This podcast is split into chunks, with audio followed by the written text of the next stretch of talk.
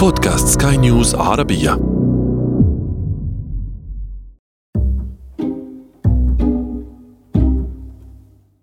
ما هو لون الشمس؟ أصفر؟ إجابة خاطئة الآن دعني أحكي لك حكاية في عام 2009 كانت متحدثة تدعى فيونا بروم تعرف نفسها على أنها متخصصة في الماورائيات تتحدث في مؤتمر حول مدى تأثرها بمأساة وفاة المناضل الجنوب إفريقي نيلسون مانديلا في سجنه في الثمانينيات.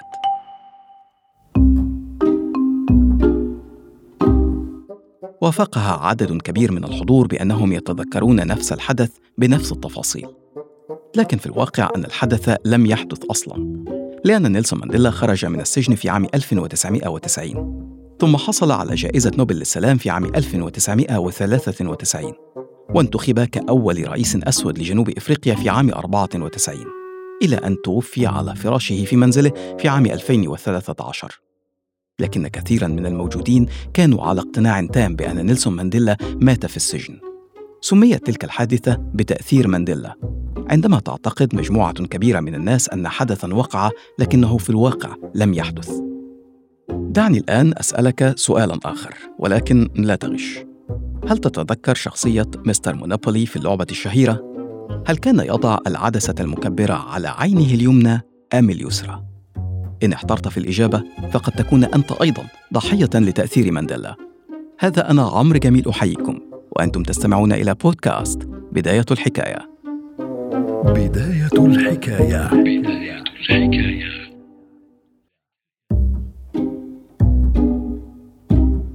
في عام 1974 قالت عالمة علم النفس إليزابيث لوفتس إنه يمكن إحداث ذكريات خاطئة لدى الأفراد من خلال الإيحاء وإن هذه الذكريات يمكن أن تصبح أقوى وأكثر حيوية بمرور الوقت.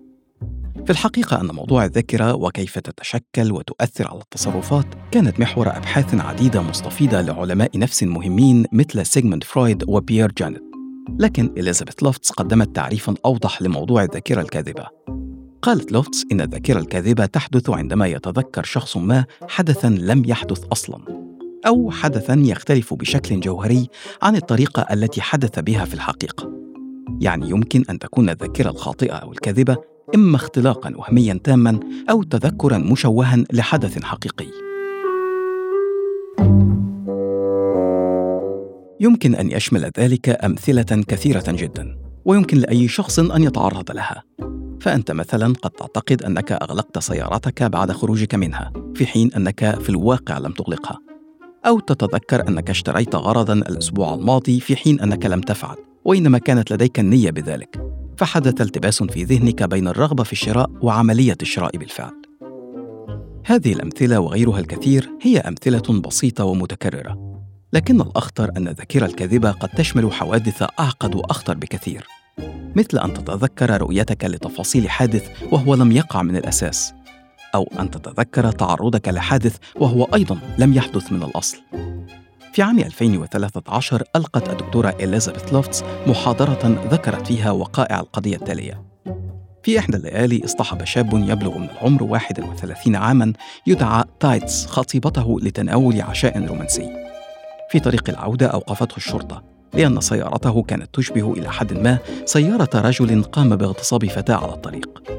المشكلة الأكبر أن تايتس نفسه كان يشبه إلى حد ما الجاني. اعتقلت الشرطة الشاب وصورته ووضعت صورته ضمن صور أخرى للعرض على الضحية التي لم تتعرف فقط على تايتس بل أكدت أنه هو الفاعل. انتهت المحاكمة بعد شهادة الضحية بالحكم على الشاب بالسجن. لحسن الحظ أن عائلة تايتس وخطيبته كانوا متأكدين من براءته فلجأوا إلى محقق صحفي تتبع خيوط القضية إلى أن اتضح أن الجاني حر بالفعل بالنظر إلى وقائع اغتصاب أخرى حدثت في المنطقة. بعد تحقيقات عديدة تم إلقاء القبض على المغتصب الحقيقي الذي تبين أنه اغتصب عشرات الفتيات في تلك المنطقة من مدينة سياتل الأمريكية. عندها فقط أطلق سراح تايتس. طيب لماذا قالت الضحية إن تايتس هو من اغتصبها؟ تقول الدكتورة إليزابيث إن ذلك راجع للذاكرة الكاذبة لدى الضحية. فمع تعرضها للضغوط النفسية والعصبية كونت ذاكرة خاطئة عن مغتصبها باستخدام ملامح تايتس وليس المغتصب الحقيقي. بعد خروجه من السجن محطما سعى تايتس لمقاضاة جهاز الشرطة وكل من سبب له تدمير حياته بدون ذنب. لكن بسبب الضغوط العصبية والنفسية التي تعرض لها مات متأثرا بنوبة قلبية. في أعقاب تلك الحادثة تم بحث 300 حالة لأبرياء تم إدانتهم في جرائم لم يرتكبوها وأثبت فحص ال DNA فيما بعد براءتهم بالفعل. تبين أن نحو ثلاثة أرباع هذه القضية كان سبب الإدانة فيها الذاكرة الخاطئة لدى الشهود. بعض هؤلاء الأبرياء كان قد قضى سنوات طويلة في السجن قبل أن يثبت الدي إن إي براءته. لكن خطورة الذاكرة الزائفة أو الكاذبة لا تقف هنا. لأن الأبحاث أثبتت أنه يمكن التلاعب بالذاكرة لخلق ذاكرة كاذبة لدى أي شخص. في تجربة شهيرة أجراها جيم كوان طالب علم النفس، طلب كوان من أمه وشقيقته وشقيقه كتابة أكبر قدر ممكن من ذكرياتهم حول حادثة ضياع شقيقه في مركز تجاري عندما كان في الخامسة من عمره. تذكر شقيق كوان الحادث وكتب عن مقدار خوفه خلال فترة ضياعه. والحقيقة أن الحادثة لم تقع أصلا. حينها كرر كوان التجربة لكن بمساعدة الدكتورة إليزابيث لوفتس هذه المرة على 24 متطوعا. وجاءت النتيجة أن 25% من المشاركين تذكروا أحداثا لم تقع أصلا في الحقيقة بعد أن تم التلاعب بذاكرتهم أو تقديم إيحاءات إليهم بوقوع حادثة معينة. هنا قد تقول أنت إن نسبة ال 25% ليست كبيرة وإنك تحظى بذاكرة قوية. لذا سأسألك سؤالا جديدا هل تتذكر شخصية بيكاتشو في لعبة بوكيمون؟ ما هو لون ذيل بيكاتشو؟ هل هو أصفر ينتهي باللون الأسود أم أسود ينتهي باللون الأصفر؟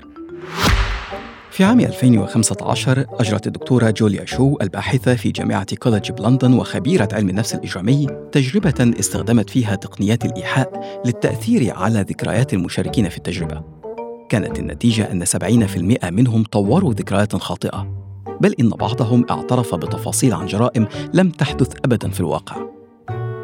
والآن أريدك أن تتذكر معي حجم الأخبار الكاذبة التي تقرأها يوميا على مواقع التواصل الاجتماعي أو الصور المفبركة التي تراها عينك يوميا. قد تقول أيضا إنك تتحقق مما تقرأه ولا تصدق كل ما تراه بسهولة وهذا بالتأكيد أمر رائع. لكن من قال إن الإيحاء يتم بطرق مباشرة؟ في الواقع أن التلاعب بالذاكرة يتم عبر طرق أكثر التواء عبر ترديد كلمات أو نشر أخبار أو صور لا تشبه بعضها في الشكل أو الصياغة لكنها تهدف جميعها إلى خلق ذاكرة مزيفة عن حدث أو موقف أو شخص ما وهو ما قد يؤدي في بعض الحالات إلى حدوث ذاكرة جماعية مزيفة تماما كما حدث في حالة مانديلا التي ذكرتها لك في بداية الحلقة في الواقع أن موضوع الذاكرة الإنسانية تبين أنه معقد جدا وموضوع تأثير منديلا به الكثير من التحليلات بدءا من الذاكرة الجماعية المزيفة وصولا إلى نظرية العوالم المتوازية. لكن وقت الحلقة لا يتحمل كل ذلك. لكن وبما أننا وصلنا إلى نهاية الحلقة ربما ما زلت عزيزي المستمع إن كنت لازلت تستمع عن إجابات الأسئلة التي سألتك إياها خلال الحلقة. وذلك إن كنت لم تغش وتتصفح الإنترنت لتعرف الإجابة. في سؤالي الثاني سألتك هل كانت شخصية مونوبولي يرتدي العدسة على عينه اليمنى أم اليسرى؟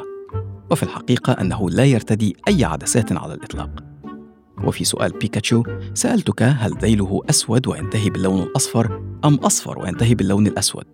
وفي الحقيقة أن ذيل بيكاتشو أصفر من البداية إلى النهاية أما إن كنت ما زلت تتساءل عن سؤالي الأول ما هو لون الشمس وما علاقة ذلك بالحلقة فالواقع أن السؤال ليست له علاقة مباشرة بالحلقة.